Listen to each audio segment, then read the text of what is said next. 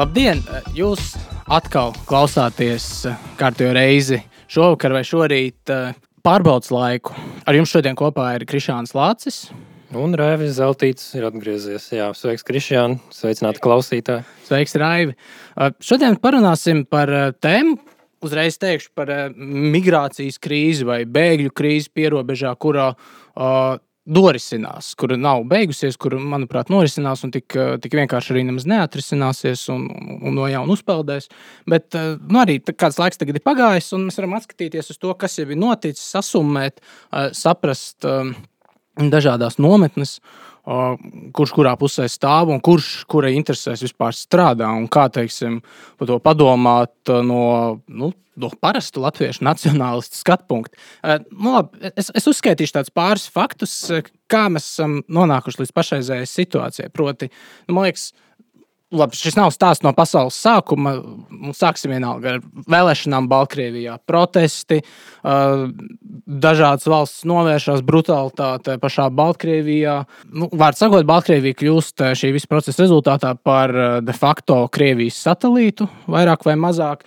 Tad situācija vēl eskalējas līdz ar Raina lidmašīnas nolaupīšanu, ko mēdz darīt faktiski to, ko angļuiski sauc par nu, nezinu, bandītu valstīm, rupji tulkojot Roadžu steidz. Un tad vēl krasākas sankcijas, vēl asāka norobežošanās Eiropā un arī starptautiski no, no Lukašenko. Un tad, nu, attiecīgi, protams, viņš savu kungu un, un dievu Putinu, droši vien domā nu, citas taktikas, kā tomēr uh, ietekmē tos kaimiņus, jo mēs visu laiku aizmirstam, ka Baltkrievija tas tomēr ir nu, tas Eiropas centrs. viens no Eiropas centriem, vai ne geogrāfiskajiem. Un, uh, jā, un tas, kas notiek, vai nesākas šī migrantu izmantošana pret, sākumā pret Lietuvu, migrantu kā nezinu, politiski ieroču vai spiedienu izdarīšanas rīka izmantošana pret, sākumā, protams, pret Lietuvu, vēlāk pret um, Latviju. Tagad, man liekas, šobrīd tā fāze aktīvāk notiek uh, pret uh, Poliju pēkšņi pēc nu, 5, 6, ne vairāk gadu pārtraukuma, kopš 2015. gada, mēs, atk mēs Latvijas televīzijā tiešraidē skatām tādas ainas, ka veidojas, tiek veidotas Lietuvā bēgļu nometnes. Svešu cilvēku grupas klīst gar robežām, un, nu, vārds sakot, tās pašas ainas, tādas dramatiskas tādas ainas, kuras, protams, iespaido publiku. Un komentariātu, kādas mēs redzējām jau 2015. gadā. Tiesa, šogad kaut kas ir mainījies savā ziņā, jo nu, leiši, latvieši, nu, mēs varam migrantus griezt atpakaļ. Nesaņemot pa pirkstiem pārāk smagi, lai gan, protams, ir pārmetumi no dažādām cilvēktiesību organizācijām. Latvijas kreisie aktīvisti kaut ko pīkst, maigi izsakoties kaut kādas dīvainas kampaņas ar cilvēktiesību aktīvistiem arī medijos, un ne, nevar saprast arī, kuru interesēs tas vispār notiek. Nu, ka cilvēki, kā nu, bēgļi no Afganistānas, no, nezinu, no kurienes, no Irākas vai, vai sazinu, no kurienes, viņi tiek iespiesti zonās starp nezinu, starp divām valstīm, lai gan principā notiek tās kā pingpongs no Latvijas uz, uz Baltkrieviju, no Baltkrievijas uz Latviju. Uh, tad dīvainas kustības, protams, Baltkrievijas pusē robežsargi tiek, uh, Baltkrievijas pusē robeža faktiski tiek militarizēta. Uh, nekas īpaši nesako, paldies Dievam. Uh, vienlaikus, protams, arī militārās mācības Zapad, uh, emocionāli sižeti LSM, uh, tādi, nu, tādi mediju arī atkal akcijas, ka žurnālisti nelaiž pierobežām. Un, protams, Kronis visam soli būvē žogu, kas joprojām nav uzcelts. Raiva, kas, kas šajā lietā notiek tagad? Ko es, ko es esmu palaidis garām? Vai, kas, kas vēl aktuāls šajā visā? Tāda kopaina iedevība. Es gan gribētu uzreiz teikt, ka nelietojam vārdu bēgļi, jo Jā. Latvija nav Irākas kaimiņu valsts. Un, Baltkrievija jau no Irākas ir ļoti tālu, un Baltkrievija ir, kā arī prezidents ļoti pareizi norādīja, Baltkrievija ir droša valsts, viņi var patvērumu prasīt tur. Un, tātad viņi ir nelegāli imigranti, kas ir izvēlējušies pārkāpt likumu, lai nonāktu, nu, visticamāk, ne Latvijā, bet Vācijā vai citur Eiropā. Vai ne tā ir cīņa arī par valodu šajā gadījumā, par vārdiem, kurus mēs izmantojam? Jā, nevis vienkārši beigts. Neviens vārds šajā visā samilzumā nav neitrāls. Tā bija arī sižeti, ne, un arī Twitterī. Protams, vārds bēgļi jau ir devalvēts lielā mērā jau 15. gadā, bet tomēr, nu, atceroties sākotnējo vismaz vārdu nozīmi, tad, manuprāt, nebūtu šis vārds jālieto. Nelegāli imigranti mm, būtu atbilstošāks nosaukums.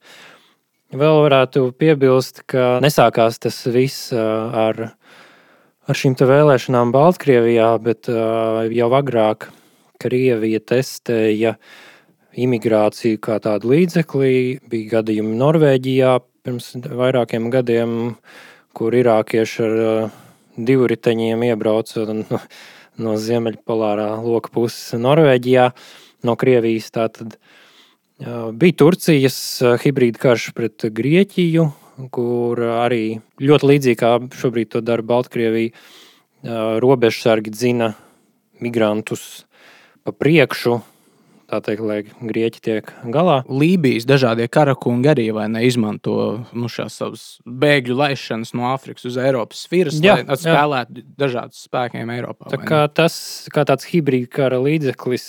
Uh, ir bijis. Noteikti viņš plānos uh, bija Krievijai, Baltkrievijai. Un vienkārši pie šīs viņu iekšējās krīzes viņi izvēlējās uh, notestēt šo plānu. Manuprāt, meklējot vājo vietu, nevajag domāt arī, ka runa ir tikai par mums, uh, meklējot vājo vietu Eiropai un NATO. Nu, Poļi ātri uzbūvēja robežu, Lietuvieši arī to izdarīja. Cerams, ka tā vājā vieta tomēr neesam mēs, skatoties, kā kavējas robežas izbūvēšana, skatoties šos pseidohumanistus, kā viņi grib atklātām rokām šos cilvēkus uzņemt. Nu, signāls tiek raidīts, diemžēl, Baltkrievijas režīmam, ka šī ir tā vājā vieta. Par žogu, man liekas, mēs varētu parunāt pēc tam. Vispirms mēģināsim iet kaut kādā struktūrāli par pašiem bēgļiem. Uh, nu, mans viedoklis ir tāds, nu, labi, ne bēgļiem, piedod, uh, nelegāliem imigrantiem. Ne?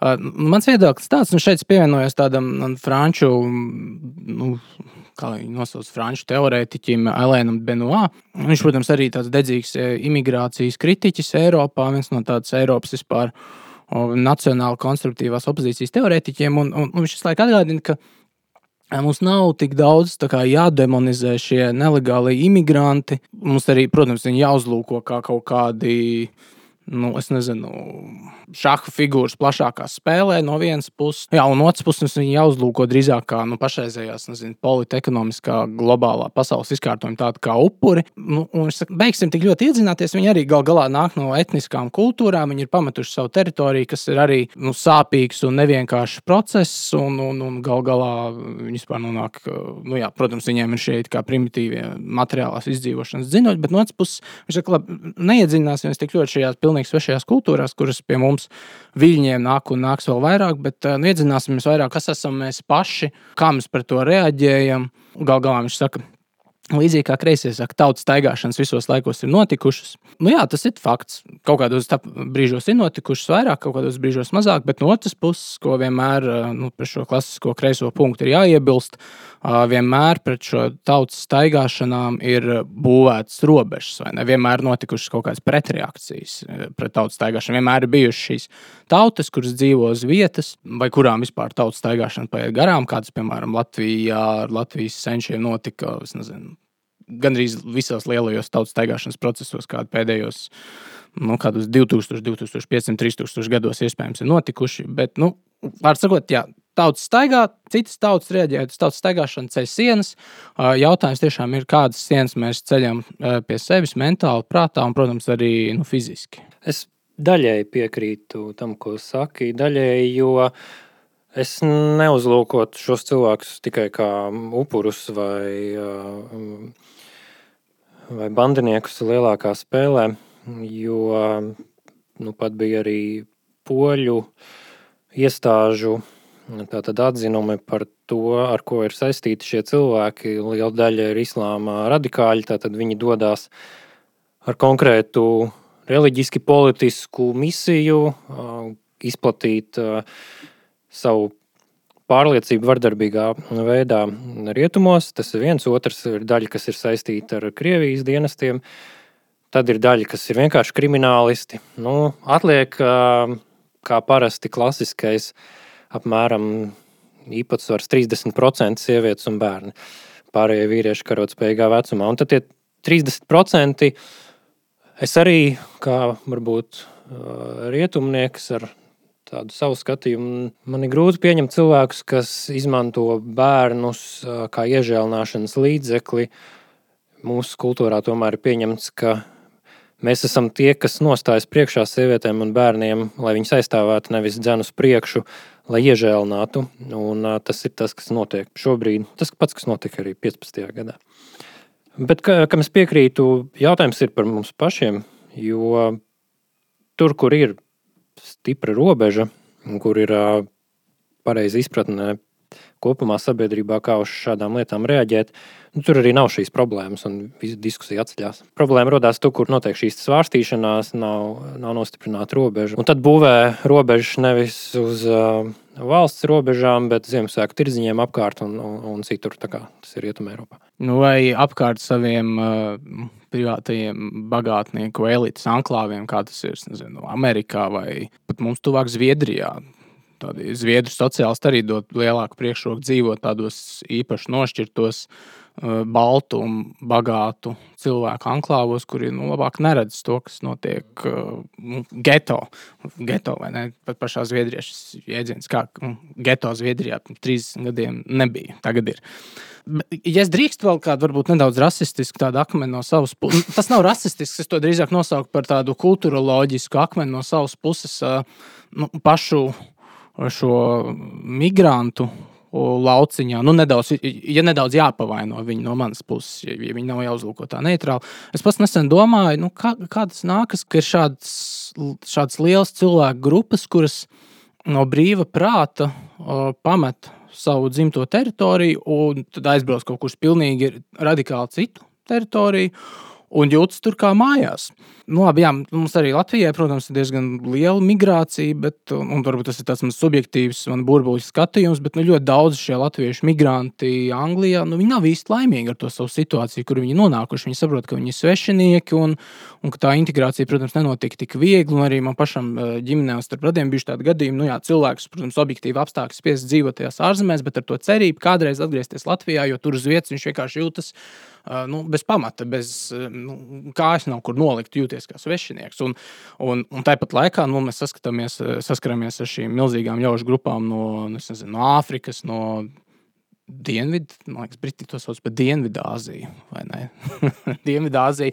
Zem tā paliekot plašas cilvēku grupas, pakistāņus, afgāņus un, un, un, un, un, un nezinu, bangladešiešus un tam līdzīgi. Un, un tāpat laikā lūk, ir šīs grupas, kuras bezmazliet ubi bēni, ibi patrī, kur ir labi, tur, tur viņi jūtas kā mājās. Un, nu, es to varu skaidrot tikai tā, nu, nu, tādā dziļā kultūroloģiskā griezumā, ka nu, acīm redzot, ir klejotāji tautas un ir viet, vietsēžu tautas vai ne. Uh, nu kā, nu, Latvijas ideāls vai ne vēsturiski tomēr ir bijis tāda viensēta, un viensēta jau nav kā mongoļu jurta, kas pārvietojas pa plašu teritoriju. Viensēta ir kaut kas ļoti, viensēta ir vietasēdības paveids, vai ne? Tā ir konkrēta vieta, kur pauģu paudzēm ļoti ilgi dzīvo cilvēki paskatāmies no Arābijas, daudzas Āfrikas ciltis, um, arī Irākā. Nu, tie nav cilvēki, kuri būtu īpaši piesaistīti vienai vietai.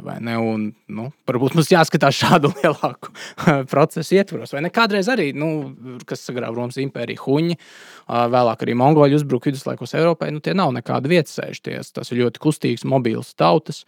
Mēs arī varam padomāt par Latvijas lielāko nu, nelatvisko minoritāti, um, nu, kurus sauc par krievlodīgiem, un viņu dziļo etnisko vēsturi Krievijā. Nu.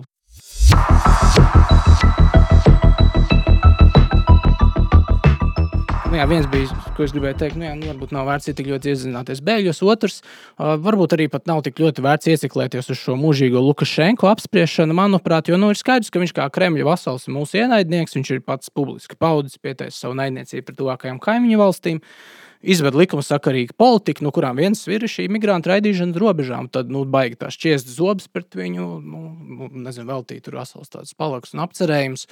Nu, nu, tas, protams, ir vērtīgi saprast, ko ienaidnieks dara un vispār viņu pazīt. Un, un vispār žēl, protams, ka, nu, ka Baltkrievija ir tik ātrā laikā pieteikusi mums savu naidniecību. Ir skaidrs, ka, ka viņš ir mūsu ienaidnieks. Atkal pievērsīsimies tam, kā mēs uz šo naidniecību reaģējam, kā mēs būvējam robežas kā mēs uh, identificējam šī naidnieka kaut kāds uh, nezinu, noderīgos idiotus savā valstī un tam līdzīgi. Nu, nu, ko tu teiktu par šo? Nu, vienmēr jau ir jāpatur prātā un acīs gan uh, tālais pretinieks, gan uh, tuvais. Uh, tas ir tā... lielais sātans un mazais sātans.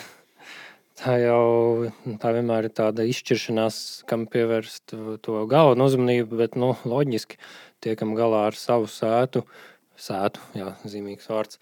Protams, Latvija kā neliela valsts neizmainīs droši vien ģeopolitisko sakārtojumu, kāds tas ir šobrīd, un Lukašenko režīmu.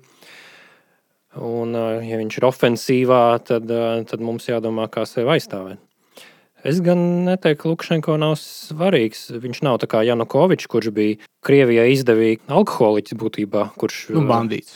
Un, un bandīts, jā, bet, bet arī vienkārši nespējīgs. Viņš, viņš vienkārši nu, viņš nepārvaldīja Ukrajinu. Tur bija konkrēti dienestu cilvēki no Krievijas, kas to visu darīja viņu vietā. Nu, Ukrainā arī ne, vēl oligārhu varu un dažādi netiešās varas centri. Jā, de, tā decentralizācija lielā mērā. Uh, Um, Lukašenko gadījumā viņš tomēr ir uh, mazliet pats par sevi, un reizēm arī cilvēki kaut kā nenovērtē. Arī Baltkrievu VDK, kurš tā joprojām arī saucās VDK Baltkrievijā. Tā kā nav, nav tā, ka Baltkrievija būtu tīri simtprocentīgi pakļauta Krievijai, bet, protams, es domāju, ka tur šobrīd tās intereses sakrīt. Lukašenko ir personiski uh, aizvainots un, uh, un paranoisks par to, ka viņu varētu gāzt. Savukārt Putinam ir perfekta izdevība testēt NATO caur ne Krieviju, caur citu valsti. Jā, atgriežoties pie tā tautas staigāšanas jautājuma, man mazliet uzjautrināja, ka liberāļi to sauc par labo piemēru kreisē. Ja? Nu jā, kas parasti, principā tā tautas staigāšana bija militāras invāzijas vienkārši ar veselām tautām, kas parasti. Nu, kā viņi vēl šo tautas staigāšanas procesu, nu, migrācijas nenovēršamību, vai vēl arī tādas trakas lietas, kā nu, ka bagātie ziemeļi ir eh, kaut kādā ziņā parādā šiem nabadzīgiem dienvidiem, jā, jātur viņiem vajā vārti. Bet vai ne šo tautas staigāšanas kā pozitīvo metaforu pavada nu, vēl visā tādi vārdi kā nu, dažādība, iekļaušana. Mēs varam iedomāties, ko par tautas staigāšanas dažādību, iekļaušanu, tur atvērti, atvērtību un nezinu, jaunu multikulturāls virtuves, uh, restorānu atvēršanos apdzīvotās vietās, nu, ko domāju tiešām nezinu, 6. gadsimtā. 5. gadsimtā romieši vai nezinu, 13. gadsimtā ungāri sastopoties ar mongoliem. Nu jā, mong mongoļu invāzija, tāds labs tautas steigāšanas dažādības veicināšanas piemērs. Tur jā, būtu kas attaisa vārdus viņiem, ja tu šos cilvēkus aizsūtītu pagātnē. Kas man liekas pozitīvi no šī nu, nu, Lukašenko un Putina sasaists ar, ar, ar nu, skaidru un tādu hibrīdu karu taktiku pret savām kaimiņu valstīm, izmantojot migrāciju. Man liekas, tā ir tāda liela izdevība.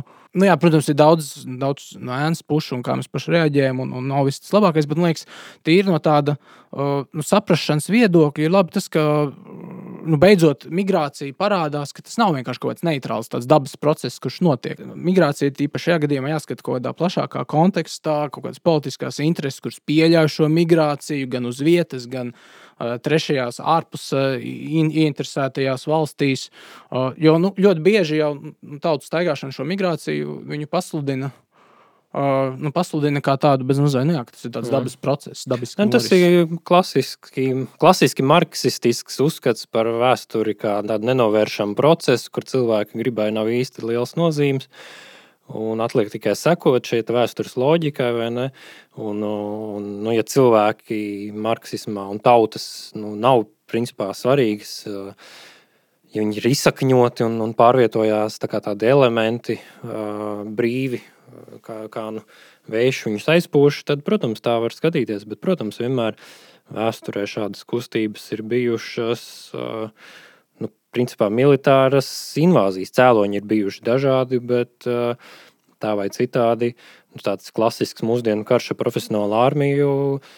Noteiktos vēstures posmos tādu nebija. Vienkārši vesela tauta ņēma un ievācās pie citas tautas. Un, nu, reizēm asiņaini, reizēm mazāk asiņaini, visbiežāk gan asiņaini.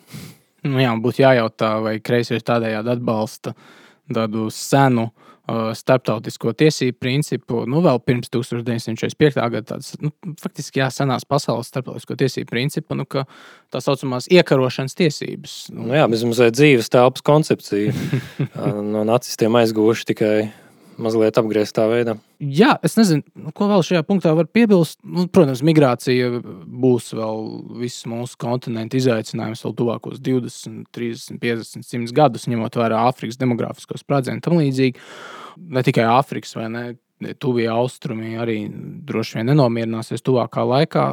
Nu, tas, tas ierocis, kas no otrā pusē, mums nelabvēlīgā pusē parādījies ar vien skaļāk, ir nu, šī Ženēvas konvencijas. Tu, tu gribētu par to izteikties kaut ko par Ženēvas konvencijas piesaukšanu, kā nu, tādu no kreiso puses retorisku rīku, un arī gal galā, nu, Lukašenko arī var teikt, Ženēvas konvencija.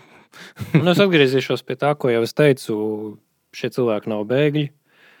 Viņi ir nelegāli imigranti. Viņiem ir visas iespējas prasīt patvērumu vismaz piecās valstīs, starp Latviju un Irāku. Bet tas kreiso pretarguments pret vienmēr ir, ka Pastieties uz Lukašenko režīmu, tas nav normāls. Eh, nu, mēs esam humānāki, mums ir jāuzņemas lielāka atbildība pret viņiem, jo nu, šie cilvēki nevar prasīt patvērumu Lukašenko režīmā. Šajā diskusijā vienkārši nav jāielaižās, jo eh, daudz diskusijas ar kreisajiem jau pašos pamatos vienkārši nepareizs. Šie cilvēki ir samaksājuši dārgu naudu, lai izmantotu Lukašenko piedāvātos avio un turismu pakalpojumus. Viņi ir uzņēmušies zinām atbildību. Tāpat Lukašenko. Lukašenko mērķis ir pārbaudīt, vai mēs pieņemsim simts šādus migrantus, lai tālāk atvestu vēl tūkstoti. Ja mēs pieņemsim tūkstoti, tad atvedīs desmit tūkstoši. Tas ir hibrīd karš. Hibrīd karā uh, diskutēt uh, par uh, kaut kādiem pseido-humanistiskiem apsvērumiem Nu, tad arī Plaskavas divīzija sev pārsauks par, par bēgļiem no Putina režīma. Un es domāju, viņiem būs daudz piekritēju Latvijā, kas teiks, ka rekur Putina opozicionāri ierodās. Tādi aizdomīgi rētāji, tetovēti ar militāru pieredzi. Bet baisi. Bet, lai paliek Latvija, bet paskatāmies nu, šo fenomenu nedaudz plašāk. Nu, nu kā ar, ar, tiešām ar visām šīm, labi, tieksim, tu uzskati, ka arī ar esošajiem ANO konvenciju visiem rīkiem, arī Ženēvas konvenciju rīki ietvaros ir kaut kā iespējams tomēr nu, juridiski atspēkot iebildumus un, un, un iestāties par stingrām robežām. Un daudz kas jau izskatās nu, pozitīvi, salīdzinot ar 2015. gadu Eiropā nu, kopumā. Kā, nu, Frontex mēģina strādāt. Arī no Eiropas Savienības, no Briseles puses eh, šķiet, ka viņi saprotošāk šoreiz pret uh, robežu valstīm. Un visi aizmirst to, ka Latvija tomēr ir Eiropas Savienības robežu valsts. Tātad, uh, NATO un NATO robežu valsts. Tā ir ārējā robeža. Un, un gal galā tas ir tas, ko daudz nesaprot arī Ungārijas gadījumā 2015. gadā, nu, nu, tā ir Eiropas Savienības ārējā robeža tajā galā. Un, Un, un šķiet, ka šobrīd situācija, arī kā daudz apskatnieki raksta, piemēram, tāds, um, ko mēs ielikšu arī saitē apakšā, epizodes aprakstā, tāds Aristus Sīnas, um, strauji augošs tā, tāds, tāds publicistikas, tāds, tāds labs publicists, um, rakstā un Herd raksta, ka uh, Eiropa virzās uz šo nu, festunga Eiropa principu. Eiropa ir, nu, visur Eiropā parādās robežas, robežu princips tiek ar vien vairāk leģitimēts, pieļauts. Visi saprot, nu, nezinu, bezmaz Eiropas vadība arī saprot, ka, ka Erdogans, nu, nu Erdogan gadījumā, jā, ka tas ir politisks svira, ka ir jāatbalsta Grieķi, ka ir jāatbalsta Baltieši, Lietuvieši, Poļi. Un gal galā viņas secinājums tajā rakstā ir tāds, ka Orbāna pozīcija, kas 2015. gada Orbāna pozīcija ir kļuvusi gandrīz vai pa mainstream visā Eiropā. Tā kā, nu, vai tiešām Eiropa varētu risināt nākotnes migrācijas problēmas, kļūstot par cietoksni? Kā to šķiet nu, tā, tā paneiropeiskā perspektīvā? Tāds cietoksnis nav vairs iespējams, jo pārāk daudz jau migrantu miljoni ir ielaisti Eiropā. Līdz ar to tie cietokšņi veidosies pilsētu rajonu robežās un jau veidojās. Mēs to redzam Zviedrijā ar nemitīgiem sprādzieniem un apšaudēm no karstasinīgo Zviedru puses. Francija, protams, jā, ir uzlabojušās varbūt pretterorisma kaut kādas iestrādnes, un līdz ar to mēs ļoti daudz ko neuzinām. Tāpat Covid laikā nav bijušas pulcēšanās, līdz ar to terora akti ir mazinājušies. Bet, bet tā problēma jau ir ielaista. Līdz ar to, manuprāt, tas vairs tādā Eiropas līmenī nav vairs baigi būtiski uh, vai, vai to procesu pātrina jauni viļņi, vai, vai tas turpinās jau ar tiem, kas jau ir ielaisti. Diemžēl, nu, baigas poža tā nākotne nerādās. attiecībā uz Austrumu Eiropu un Centrālu Eiropu, te gan mēs neesam šo procesu tā ielaiduši. Jā, taisnība, ka Eiropa šobrīd kopumā ir saprotošāka. Iespējams, arī tāpēc, ka to dara Lukašenko un, un būtībā arī Krievija. Tad jau tas liek kā aizdomāties, vai ne? Diemžēl šoreiz tā vājā vieta ir mums pašiem iekšēji. Un par mūsu pašiem un šiem iekšējiem ienaidniekiem, kuri jāsauc vārdā, mēs parunāsim pēc pauzes. Ja tevi uzrunā raidraksts pārbaudas laiks, atbalsti tā veidošanu ar nelielu ziedojumu. Mēs esam neatkarīga biedrība, mums nav liela sponsora, bet mūsu mērķi ir lieli. Ziedojot, tu atbalstīsi mūsu brīvību, veidot kvalitatīvus ierakstus par Latvijai svarīgām tēmām. Ziedojumu kontu atradīsi aprakstā. Paldies par tavu ziedojumu! Esam apakaļ pārbaudas laikā. Mēs šodien runājam par eh, imigrantiem, nelegāliem, nevis bēgļiem. Un ar jums joprojām kopā ir Krišāns Lācis un Raivis Zeltīts. Tagad mēs parunāsim par, eh, tā braši pieteicis pirms pauzes, par iekšējiem ienaidniekiem, jeb drīzāk nu jā, par šīm robežām, kuras mums ir jāceļ drīzāk pašiem pie sevis iekšā, kā mums pašiem sakārtot savus galvas, sabiedrību iekšpusē. Pat ja mēs teiksim, uzliekam normālu robežu, kas gan ir masticami, bet nu, cerams, varbūt kādreiz mēs uzliekam, tik un tā vienmēr atradīsies kādi, kuri iekšpusē šī, šīs fiziskās robežas tomēr mēģinās padarīt pēc iespējas mentāli caurākas. Un, man liekas, šajā gadījumā nu, visā šajā Baltkrievijas tā saucamās nu, migrantu krīzes sakarā, tas, kas uzkrita tieši, nu, labi, sākumā bija tie nu, baisie kadri nosacīti no Lietuvas, tur tie kautiņi bēgļu nometnē, nu, nelegāla migrantu nometnē. Nu, redz, man, man jau ir nozombējuši, un uzreiz ir automātiski, vai ne? Es automātiski viņus sauc par bēgļiem. Uh, jā, tie kautiņi, un tas viss bija. Un, un pēc tam labi, bija tās pirmās reakcijas medijos, ka mums vajag stingri reaģēt, vajag ieviest ārkārtas situāciju. Viss ļoti labi. Bet vienlaikus bez nu jā, gan arī tajā pašā nedēļā sākās tāda stabila, tā saucamā cilvēktiesību aktīvistu raidlaiku ieviešana. Nu, tā rupja angliski skoties, tādu slotu ieviešana nu, visos galvenajos Latvijas uh, sabiedriskajos medijos, radio aicināja kaut kādus cilvēktiesību aktīvistus. Tāds arī, kurus iepriekš nebija redzējis 15. 15. gada krīzē.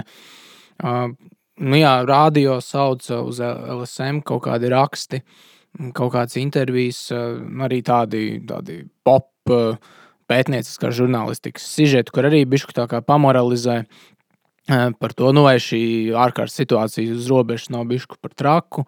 Uh, arī šis slavenais gadījums ar to, ka, nu, ko mēģināja pavērst tā, nu, žurnālists nelaiž pierobežā, uh, filmēt, kur tā viena bēgļu grupa ir palikusi, cik šausmīgi, vai demokrātiskā valstī un, un liberālā, kur ir ļoti svarīga informācijas pieejamība un caurskatāmība, vai šādi soļi ir pieņemami.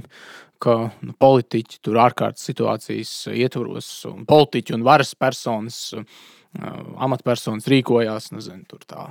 Nelaiž žurnālists iekšā filmēt. Un, un var sakot, nu, bija daudz šādu visādi gadījumu. Nav pat vērts, man liekas, apskatīt viņa argumentus, bet nu, tas, kas man liekas interesanti, ka ja iepriekšējā reizē, 15. gadā, Nospēlēja šie, kā viens slavens Twitter aktīvists, rakstnieks, ja tā varētu saukt, Haris Akmens. Viņu sauc, tā, 15. gadā bija tādi plantatori. Viņus sauc par plantatoriem, kuri nu, šo bēgļu integrēšanu, uzņemšanu vairāk uh, nu, reklamēja cerībā nu, ieviest lielāku apdzīvotības indeksu jau tā patukšajā Latvijā un sildīt ekonomiku ne tikai kaut kur Francijā, Vācijā, bet arī Latvijā. Tas ir brīnišķīgs ekonomikas iespējas. Jauna Pakistānas kebabi, jauna nodarbinātība, raķešu zinātnieki, ārsti un viss pārējais. Un mums izmirstošajā Latvijā tas ir ļoti vajadzīgs. Tas bija 15. gada narratīvs. Tagad kaut kā šie plantatori mazāk, bet nu, tieši vairāk, man liekas, uzpeldējuši šie cilvēktiesību aktīvisti. Man šķiet, tomēr 15. Um, gadā bija arī tas, un vēl histēriskāk un izteiktāk vienkārši tie, tie stāsti un cilvēki. Viņi nebija šeit, viņi bija vidusjūrā un uh, atceramies noslīkušo puisēnu, ko, ka lūk, ja jūs būtu atvēruši robežas, tad, uh, tad lūk, nebūtu šis noticis. Lai gan tieši pretēji šī velkamisma politika noved pie tā, ka cilvēku vidusjūrā reāli slīka, mira, ko līdz šo visu mazliet apturēja, tad arī mirstība, protams, samazinājās vidusjūrā. Nu, loģiski.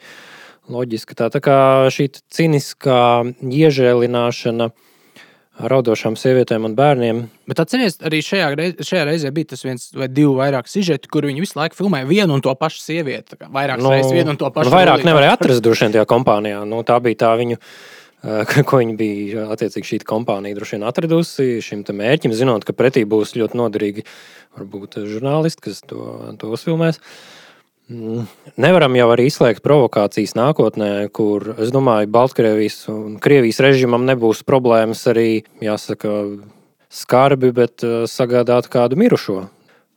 Vēsture uh, to parāda, ka viņiem arī nav problēmas to izdarīt ar saviem pilsoņiem, kur nu vēl kaut kādiem irākiešiem. Kā šajā gadījumā jau arī bija retorika liekas, no Baltkrievijas un pēc tam arī no Krievijas puses, ka uh, nacisti lietuvieši sit cilvēkus uz robežas. Un tas ir psiholoģisks karš būtībā pret mums. Un te ir jāsaprot, ka tie, kas nostājās šajā brīdī pretinieka propagandas pusē, nu, kara laikā tādus uh, sauc par nodevējiem. Nu, šis ir hibrīd karš. Kaut kādā ziņā varbūt nosacīts labums ir tas, ka mums nav jāgaida reāls karš, lai saprastu, kur, kurā pusē kurš nostājās. Nu, tas skarbi tā, bet uh, jāsaka, kā ir. Interesanti, ka viens no galvenajiem Latvijas bēgļu vai ANO aktīvistiem, Digis Melbiksis, viņš, viņš gan savā personīgajā blogā, gan arī pāris reizes, man liekas, arī Twitterī aktualizēja šo jēdzienu hibrīdkarš, ko, teiksim, agrāk neapstrīdēja, bet tagad tieši šīs Baltkrievijas krīzes sakrā viņš teica, kas vispār ir šis jēdziens hibrīdkarš. Mēs varam jebko paslaucīt zem hibrīdkara, teikt, tas ir hibrīdkarš, un viņš tur jautāja, nu, kas tas vispār par jēdzienu, ja neviens karš oficiāli nav izsludināts un pieteikts. Jo klasiski jau ir tā, ka tomēr karu izsludina, piesaka, un tad ir nu, kaut kāda nu, nezinu, redzama konvencionālā kara darbība. Tad hibrīd karš, nu, kā jūs varat visu laiku piesaukt hibrīd karu, ja, ja nezinu, tur bērns salst uz robežas? Nu, Viņam var nosūtīt uh, literatūras sarakstu, lai cilvēks izlasa un saprot, par ko visi runā. uh, jā, es pat nezinu, ko lai, lai piebilst. Nu, ir sen zināms, ka konvencionālā kara vešana tas ir 20. gadsimts. Un ir jaunas paudzes karš, kurā tiek izmantoti dažādi informatīvi, ekonomiskie, psiholoģiskie un cita veida paņēmieni. Un ne, mēs neesam ne pirmā, ne pēdējā valsts, pret ko tas tiek vērsts. Un sākumā minēja Zapats, vai ne? Tas diezgan eskalējās Zapad laikā. Es pilnībā varu iztēloties, kā. Um, noteiktās plānošanas telpās šī bēgļu operācija bija daļa no šīm mācībām, kas vienmēr tikai daļēji tikai mācības. Atceramies, ka Krievija bieži šīs mācības ļoti ātri pārvērš jau militārā akcijā. Tā vienmēr ir tāda iesildīšanās pirms iespējams eskalācijas. Ko darīt? Galu galā, nu, labi, mēs tiešām konstatējam šī jā, iekšēji ienaidnieki, piektā kolonna. Šajā gadījumā Latvijas runājoša, raksturoša un ļoti rietumnieciski domājoša. Un, nu, viņi ir un, un, un viņi bezmazliet kļūst tiešām par It īpaši šādā sāsinātā situācijā, kāda bija septembrī, viņi tiešām kļūst par, bieži vien, protams, paši pat negribot, jo šie cilvēki, nē, viņi kļūst par ļoti agresīvu un tādu ciniski noskaņotu ārēju uh, spēku, nu, palīgiem bez mazliet. Tad jautājums ir, nu, nu, nu, ko darīt? Labi, mēs šajā, šajā raidierakstā pārbaudas laikā nu, mēs nu, jā, šausmināmies un, un, un konstatējam kaut kādas nebūšanas, bet nu, mēs, mēs arī uzdodam jautājumu, nu, ko darīt? Kā tavuprāt, nu, turpmāk rīkoties ar šiem? Nu, Nu, it īpaši ņemot vērā, ka sabiedriskais medijs arī nu, nav vairs nu, kaut kāds neitrāls, nav īpaši sabiedrisks, nav arī īpaši valstiski domājošs, bet nu, arī gan ar vien vairāk konkrētai ideoloģiskai pozīcijai, protams, liberāli kreisai. Padots, nu, nu, ko darīt, ja teiksim, mums šis strateģiskais medijs x stundā, x situācijās hibrīda kara apdraudējuma apstākļos, principā spēlē ienaidnieku vārtos. Nu, ko mēs varam darīt ar visiem šiem aktīvistiem? Jautājums par metapolitiku. Mēs atkal atgriežamies pie mūsu sarunas uh, vadmotīva visās mūsu pārraidēs un sarunās. Tas ir jautājums par institūcijām, kurš tās kontrolē, kas ir atslēgas personas. Par nelaimi sabiedriskiem mēdījiem un varbūt kaut kādā ziņā arī sabiedrībai. Cilvēki vienkārši viņos drīz neklausīsies, jo pēdējo pāris gadu laikā šī angažētība kļūst ar vien, ar vien uzkrītošāka. Protams, sabiedriskais mēdījis ir plašs jēdziens, tur ir dažādi žurnālisti, Un, uh, arī patriotiskas lietas tur parādās, bet kritiskos brīžos, nu, diemžēl, tā pieslēgšanās uh, ir uh, tādām īpatnējām pozīcijām. Un arī par kvalitāti runājot, šī Kremļa kaut kāda mēdīju ziņu, vienkārši atreferēšana par Krievijas, piemēram, ministra varonīgo nāvi. Nu, kas tas ir? Nu, tas neliecina par mēdīju pratību un, un kritisko domāšanu. Bet tas vēl tā mm, mazliet smieklīgi, bet, bet šādos brīžos tas tiešām jau, jau, jau paliek nopietni.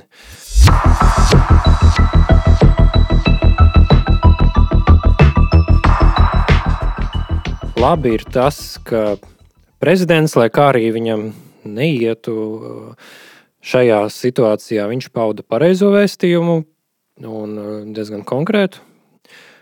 Tas ir pareizi. Liekas, aizsardzības ministrs arī bija diezgan eh, proaktīvs, pareizā vēstījumā. Jā, jā pēc tam uh, no partijas attīstībai par, bet uh, vismaz aizsardzības uh, ministrs uh, nevienā brīdī uh, nav raidījis nepareizos signālus. Tieši otrādi. Principā, ja ir šie sabiedrības līderi un atslēgas personas, kas rīkojās pareizi, tad uh, tad var jau arī pieciest dīvainas izpausmes no, no, no varbūt žurnālistiem vai kādiem aktīvistiem, kuriem, kā jau es teicu, diemžēl vai nezinu, par laimi šajā gadījumā cilvēki vienkārši neklausās viņos. Jo kādu brīdi mēdījiem bija ļoti augsts uzticamības reitings. Būtu interesanti paskatīties aptaujas šobrīd, jo man izskatās, ka tā tas vairs varētu nebūt. Cilvēki vienkārši jau nepieņem automātiski. Jā. Arī visādās aptaujās un pētījumos ļoti ilgstoši panorāmas skatīšanās, vai ne? Vakaros kādreiz tas bija pusdeviņos, tagad astoņos. Tā jau bija tāda klasiska vakara rituāla sastāvdaļa. Nu, tajās eh, mājsaimniecībās, kuras eh, lieto vēl televizors. Un, un ļoti zīmīgi, ka tiešām tas bija jā, lielā gobzem protesta sakarā. Mēs redzējām, cik ļoti tā situācija ir mainījusies. Nu, jā, tas, protams, ir Trumpismu un plašāk arī nu, tādu plašāku procesu ietekme. Globāla procesa ietekme, kur, protams, nu, nezinu, varas vai va, pasaules varano mēdī tiek nostādīti nu, kā tādi uh, nepatiesības sludinātāji vai tādi, kas, uh, nu, jā, Es tagad neatceros, kuram mēdījam tas bija. The Guardian vai, vai, vai Washington Post vai New York Times. Viņiem, tad, kad Trumps bija amatā, viņiem tas sauklis bija Speaking Truth to Power. Es tagad neatceros, tas bija vienam no šiem medijiem, kuri kroniski nerunā patiesību. Vienam no šiem medijiem, kur, piemēram, jā, Islāma valsts vadītāja nāve tika nosaukta kā uh, asketiska islāma skolāra bojāēji. Jā, bet, nu, un, un es sāku šo stāstu par panorāmu, un, un, un bija tieši tas sižets par panorāmu globzem protesta sakarā, kur nu, cilvēki tiešām uh, uz mēdījiem, uz šiem valsts sabiedrisko mēdīju, kurš vēl iepriekš baudīja tādu diezgan lielu leģitimitāti, uz viņiem skatās kā uz ienaidniekiem. Nu, kā smējās, izņirdz. Un, un, tam nabaga žurnālistam, kurš ir ielaists tajā pūlī, nu, viņam tur bezmazliet jābaidās. Un, un, un tad, protams, pēc tam ir, ir bija, es atceros, Roža kauns vai vēl vairāk citu, vai ne tādu kreisi liberālu ievirzītu mediju ekspertu uh, publiskās vēstules globzemam, ka uh, nu, nevar šitā apcelt žurnālistus un tam līdzīgi. Bet, nu... bet tas jau nav gobzems. Nu, gobzems vienkārši novada zināmu noskaņojumu. Protams, viņš viņu var aktivizēt, viņš viņu var mazliet vairot, bet tas ir zināms noskaņojums, kurš pastāv. Un es ļoti daudz gadījumus esmu redzējis, kur ir tēmas, ko sabiedriskais mēdījis varētu paņemt, analizēt un, un pasniegt sabiedrībai, bet viņas vienkārši tiek noklusētas. Piemēram, Vīrusu izcelsmes jautājums, vai ne? Tas nav vispār parādījies. Tas vispār nav parādījies. Kurš to analizē? Visādi pļāviņi un uh, toči. Līdz ar to reāli interesantus uh, tematus, uh, kur būtu nepieciešama analīze, kur nav jānonāk uzreiz uh, ķīmisko trašu zonā un, un, un pilnīgi sazvērstības zonā, šīs tēmas tiek dotas internetu aktīvistiem, kuri, tad, kuri tālāk stāsta, ka mediji tikai pasniedz nu, vienu līniju. Bet, nu, labi, mēs jau tādā mazliet... bet, nu, hi, bet, nu, lūk, tad uzskat, ka nu, šādos hibrīda kara apdraudējuma apstākļos varbūt par šo dažādu kreiso aktīvistu radīto tādu mediju troksni uh, nu, šajā gadījumā par labu nabaga cilvēku tiesībām migrēt, tiesībām uz patvērumu, ka, nu, ka tas ir troksnis, nu, lai viņi vērās. Galvenais, lai atslēgas personas, atslēgas nu, lēmumu pieņēmēji nu, ir. Nu, pareizi attiecās pret situāciju. Pirms sešiem gadiem tas nebija tikai troksnis, 15. gadā. Tad tas sakrit ar brīdi, kad mēdījiem cilvēki kopumā uzticējās. Uh, Un vienlaikus sākās šī netipiskā un negaidītā vienkārši vienvirziena propaganda par imigrantu uzņemšanu. Tad šobrīd man tas tiešām šķiet uh, troksnis. Tas nav labi, principā, un, uh, un tā ir problēma, kas jārisina ilgtermiņā. Jo, nu, ja pastāv zināms uh, informācijas uh, pasniegšanas uh, nu, monopola trūkums vai ne monopola vai autoritātes trūkums, tad nu, to vakumu kāds var ātri aizņemt, un tas arī var būt vēl kaut kas nedraudzīgāks Latvijai. Tā kā es no sirds vēlētos, lai mūsu sabiedriskais mēdījis padomātu, un tie cilvēki, kas veido šo saturu, padomātu arī tik tālu ārpus šī brīža politiskām aktualitātēm. Bet, protams, šobrīd svarīgāk ir reāli konkrēti politiski lēmumi, kas ir jāpieņem uh, fiziska siena uz robežas um, vienkārši atturēt šos cilvēkus, jo um, sabiedrība kopumā ir pret imigrāciju.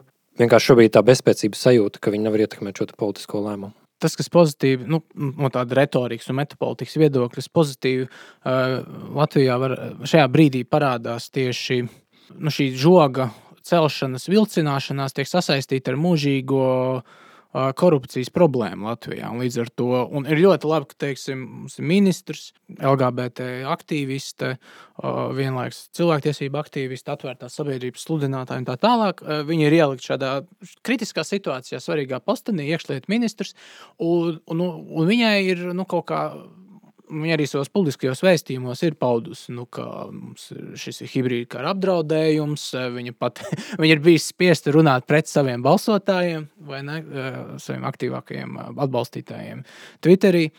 Nu, protams, vienmēr var teikt, ka tā, nu, šī mūsu interesantās koalīcijas izkārtojuma tāda kā blakne, nu, ka nezinu, ultraliberāļiem jādarbojas kopā ar dažādu nokrāsu konservatīviem spēkiem. Tad, nu, atvērtās sabiedrības ministrē jāsaka, nu, mums ir jāceļ robežas. Ir. Bet eh, no otras puses, nu, pavērās iespējas arī kaut kādai nu, kā simulācijai. Bet nu, šajā gadījumā, ja kāda simulācija vai, vai eh, nu, novēlojumi robežas celšanā uzreiz tiek automātiski no publikas puses saistīti ar, nu, ar korupciju. Tad cilvēks, kas domā vienkāršās kategorijās, viņš redz korupciju, liberāļi, vilcināšanās, bēgļu gājušas pāri robežai, valsts nodevība un Nu, man liekas, ka Manuprāt, tas ir pozitīvi. Nav svarīgi tie cēloņi hibrīda kara apstākļos, vai tā ir nekompetence, korupcija, nevēlēšanās, kaitniecība.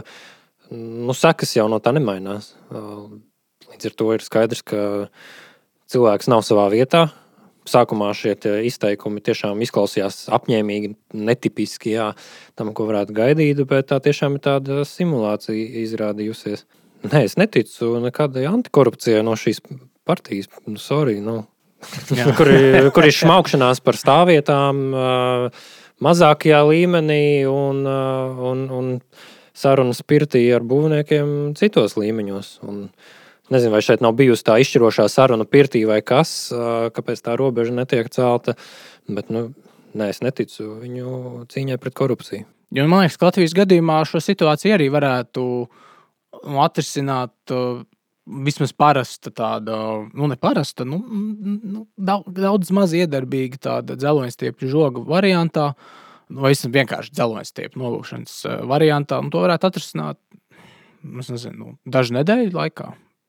pieķeroties visiem iespējamiem tādiem administratīviem resursiem, un tad pēc tam pakāpeniski izbūvēt sienas. Nu, COVID, Covid sākumā tomēr valsts kā tāda parādīja, ka ārkārtas situācijās ir iespējami dažādi ārkārtas mehānismi. Un ļoti ātri. Un ļoti ātri. Šobrīd, kad pati ministra pasaka, ka ir hibrīda karš, izrādās, ka vairs nav šo mehānismu. Es neņemu spriest par cik tās būtu dienas, nedēļas, varbūt tās arī būtu nedēļas. Nu, šis būvnieks, piemēram, kurš pārdeva pēc tam žogu Lietuvai, piedāvāja šo pasākumu sadalīt kārtās. Nu, loģiski, ka vairāk nekā 100 km garu robežu nevar varbūt uzbūvēt uzreiz. Nu, nav viņiem noliktavā 100 km ar, ar, ar šo žogu. Bet viņi piedāvā pa fragmentiem. Tas neapmierināja neskādēļ ministriju. Nu, tā tad netiek meklētas iespējas, tiek meklēts, meklēt attaisnojumi, lai to nedarītu. Labi, bet ko var darīt nu, šajā esošajā situācijā? Tā ir praktiski nu, risinājumi. Nu, es nezinu, nu, konservatīviem spēkiem kopā ar koalīciju būtu jāizdara uz, tiešām, uz ministra spiediens kaut kāds, draudot ar atcelšanu, lai gan, nu, protams, diez vai tas notiks. Vai ne esošās koalīcijas ietvaros tādi stipri signāli raidīšana un nekompetences Nu, kaut kas jau tur šobrīd notiek, aicināšanu sarunām un tam līdzīgi. Bet uh, es domāju, ka jā, vienīgais, kas var šo situāciju mainīt, ja tas nav no ārp, ārpuses, nu, piemēram, kāda vēstniecība pasaka, ka vajag, tad, protams, sākt kustā, kustēties daudz ātrāk. Bet, uh, at, kas ir atkarīgs no mums, tad uh, tas ir vienkārši politisks un uh, sabiedrisks spiediens. Pašā beigās es varētu pievērsties frāzei, sienas strādā. Tas tā varētu būt tāda laba nots vai uztakts, uz kuras varētu noslēgt. Un arī tāda vispārīgāka tēma, proti, nu, sienas strādā. Jo, nu, atkal, ja mēs no šiem konkrētajiem lēmumiem pārvirzamies uz vispārējo publisko diskusiju, gan 15. gadā, gan arī agrāk, gan īpaši Trumpa visu lielo solījumu sakarā, gan arī tagad.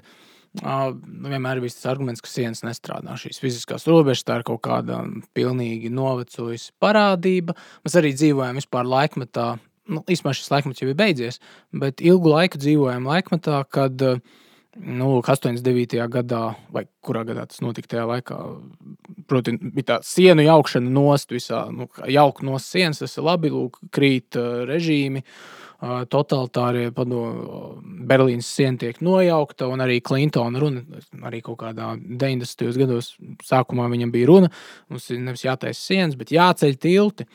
Un, un tā ļoti ilgu laiku ir bijusi nu, šī vadošā ide, ideoloģija, arī, nu, kurai ir bijušas tīri arī tādas fiziskas izpausmes, vai ne? Nu, tiešām brīva kustība pāri robežām, ir īpaši Eiropas Savienībā, robeža tāda demontāža, nu, jā, starp Eiropas Savienības valstīm. Uh, bet nu, šobrīd, eh, nu, nu, kā teiksim, iepriekš citētais arī Rusīnas saka, ka kaut kā robeža ideja no jauna atgūst, atgūst aktualitāti, atgūst tādu kā ticamību, un eh, nu, gal galā arī viens tāds cits autors, Stīvs Eilers, vienā rakstā, Takīmagā, tādā disidentu labējo uh, žurnālā, viņam tāds labs apkopojums, uh, kā, kā recenzija par, par vienu grāmatu, kas ir par sienām uh, vēsturiski vēsturiskajām sienām.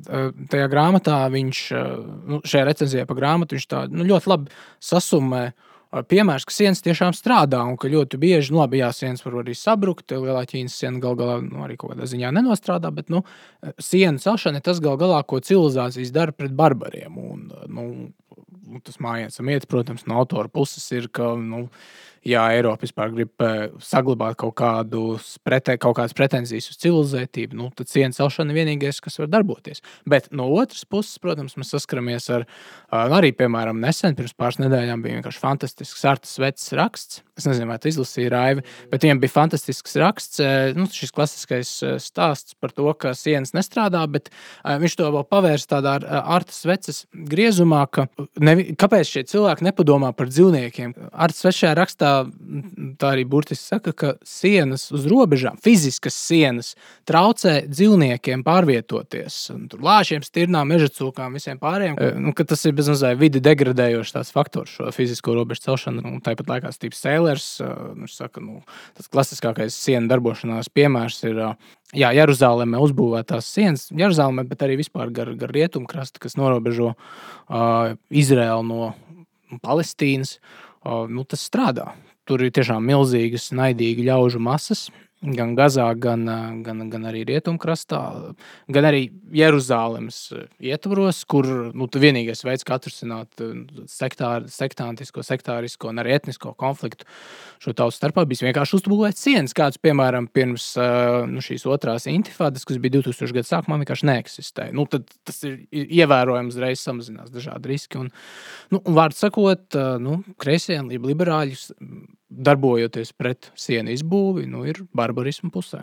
Nu, mēs jau varētu taisīt atsevišķu uh, raidījumu vai raidījumu ciklu par tēmu liberāļu idejas, kas neatbilst realitātei. Uh, nu, protams, siena strādā tāpat kā ģimeni veido vīrieši un sievietes, tāpat kā vīrieši vīrieši un sievietes ir sievietes. Tāpat kā tas ir tās fiziskās sienas starp lietām identitāte ir svarīga, viss nav tikai tirgus, vēsture nav beigusies. Nu, vēl daudz citas idejas, kas ir tādi muļķu sapņi par to, kā varētu būt, bet kam nav nekāda saka realitāte. Jā, vienā brīdī rietumi bija tik varani, ka varēja atļauties mazliet šīs sienas pajaukt, kad bija relatīvs miers 90. gados, lai gan arī Dienvidslāvija varbūt neliecina, ka bija miers. Tur arī gal galā sienas uztaisīja apkārt. Bet šīs sienas jau arī tik, cik viņas atcēla, viņas bija vienas civilizācijas robežās Eiropā. Mums uz austrumiem jau ir cita civilizācija, pareizticīgā vai Kremļa. Eirāziskā. Eirāziskā. Plus viņi vēl atved no islāma civilizācijas tagad papildus spēkus, ko sūta pāri robežai. Uh, Tā kā jā, civilizācijas robežās noteikti pārvietošanās var būt brīvāka. Nu, atceramies viduslaikos, īstenībā jau arī Eiropa tika uztverta par vienu tādu kristīgu kopienu, kur cilvēki brīvi, diezgan brīvi pārvietojās. Starp valstīm, jā, bet nu, pilsētām arī bija sienas. Pilsētām bija sienas, ja nu, kas, ja nu sākās karš. Un tālāk par Eiropu tur jau bija krustakari. Un, cilvēks jau nav mainījusies. Tas viss joprojām ir patiesa. Cilvēks ir bīstams, bet arī nu, civilizācija būvējuši cilvēks. Un sienas ir nu, diezgan nu, labs resursu koordinēšanas paraugs kurš atstāja tāds nu, redzams pēdas uz zemes, piemēram, joprojām var ļoti labi aizbraukt uz Anglijas ziemeļiem vai Skotijas dienvidiem, paskatīties nu, šīs Adriāna sienas drupas, nu, drupas vai paliekas, kuras Adriāns un citu romiešu imperatori būvēja pret naidīgajiem piktiem. Savu civilizācijas telpu norobežoja pret uh, nu, jā, atturot sevi, protams, no iešanas naidīgās zemes, bet atturot, protams, no šos diezgan naidīgās tautas nu, pret, pret, pret pašu pret sevi, pret, pret nu, civilizācijas telpu. Protams, tas bija ļoti atšķirīgs dažādas kultūras izpratnes tajā laikā. Un, nu, nezinu, nu. Nu, tā ir vēsturiskā pieredze. Tā problēma ir, ka šobrīd liela daļa, liela daļa sabiedrības un kreisie it īpaši ir bez vēsturiskās atmiņas. Un, uh, Nu, tas jau ir tas konservatīvisms, ka mēs atceramies kaut kādas vēstures mācības, kuras vienmēr ir patiesas. Un, ja nav šīs vēsturiskās pieredzes un atziņas, nu, kas atliek? Atliek nu, šis postmodernais jūtelīgums. Tāpat nav morāli tas tāds jūtelīgums, ierauga ekrānā, ka kāds raud, nu, tad jāielaiž. Citādi viņš nebeigs raudāt, un tad es jutīšos slikti. Nu, tas, ka kaut kur ar dronu kādu nogalina, kamēr to neprāda ekrānā, tikmēr Tas nevienu neuztrauc. Un šāds jūtīgums, diemžēl, nosaka lielu daļu politisko procesu rietumos. Pagaidām pie mums tas nav tik tālu aizgājis, bet nu, man liekas, tā apmēram arī var raksturot nu, kažoku un, un melbiksu, un, un tam līdzīgu cilvēku izpausmes. Ko var viņiem novēlēt, pieaugt. Nu. pieaugt un nu, paskatīties apkārt. Starp lietām ir robežas. Un, un, un valstīm ir robežas, un šīs robežas ir veidojusi vēsture, cilvēki, tautas, globāls kataklizmas, tautu sadursmes, un arī, protams, vēlme aizsargāt, aizsargāt savus robežas kaut vai ar kaut ko tik vienkāršu un pragmatisku. Kā, nu, protams, ar sienām vai ne. Ap pilskalniem agrīnās. Protams, sākumā ir nocietinātas apmetnes Latvijā.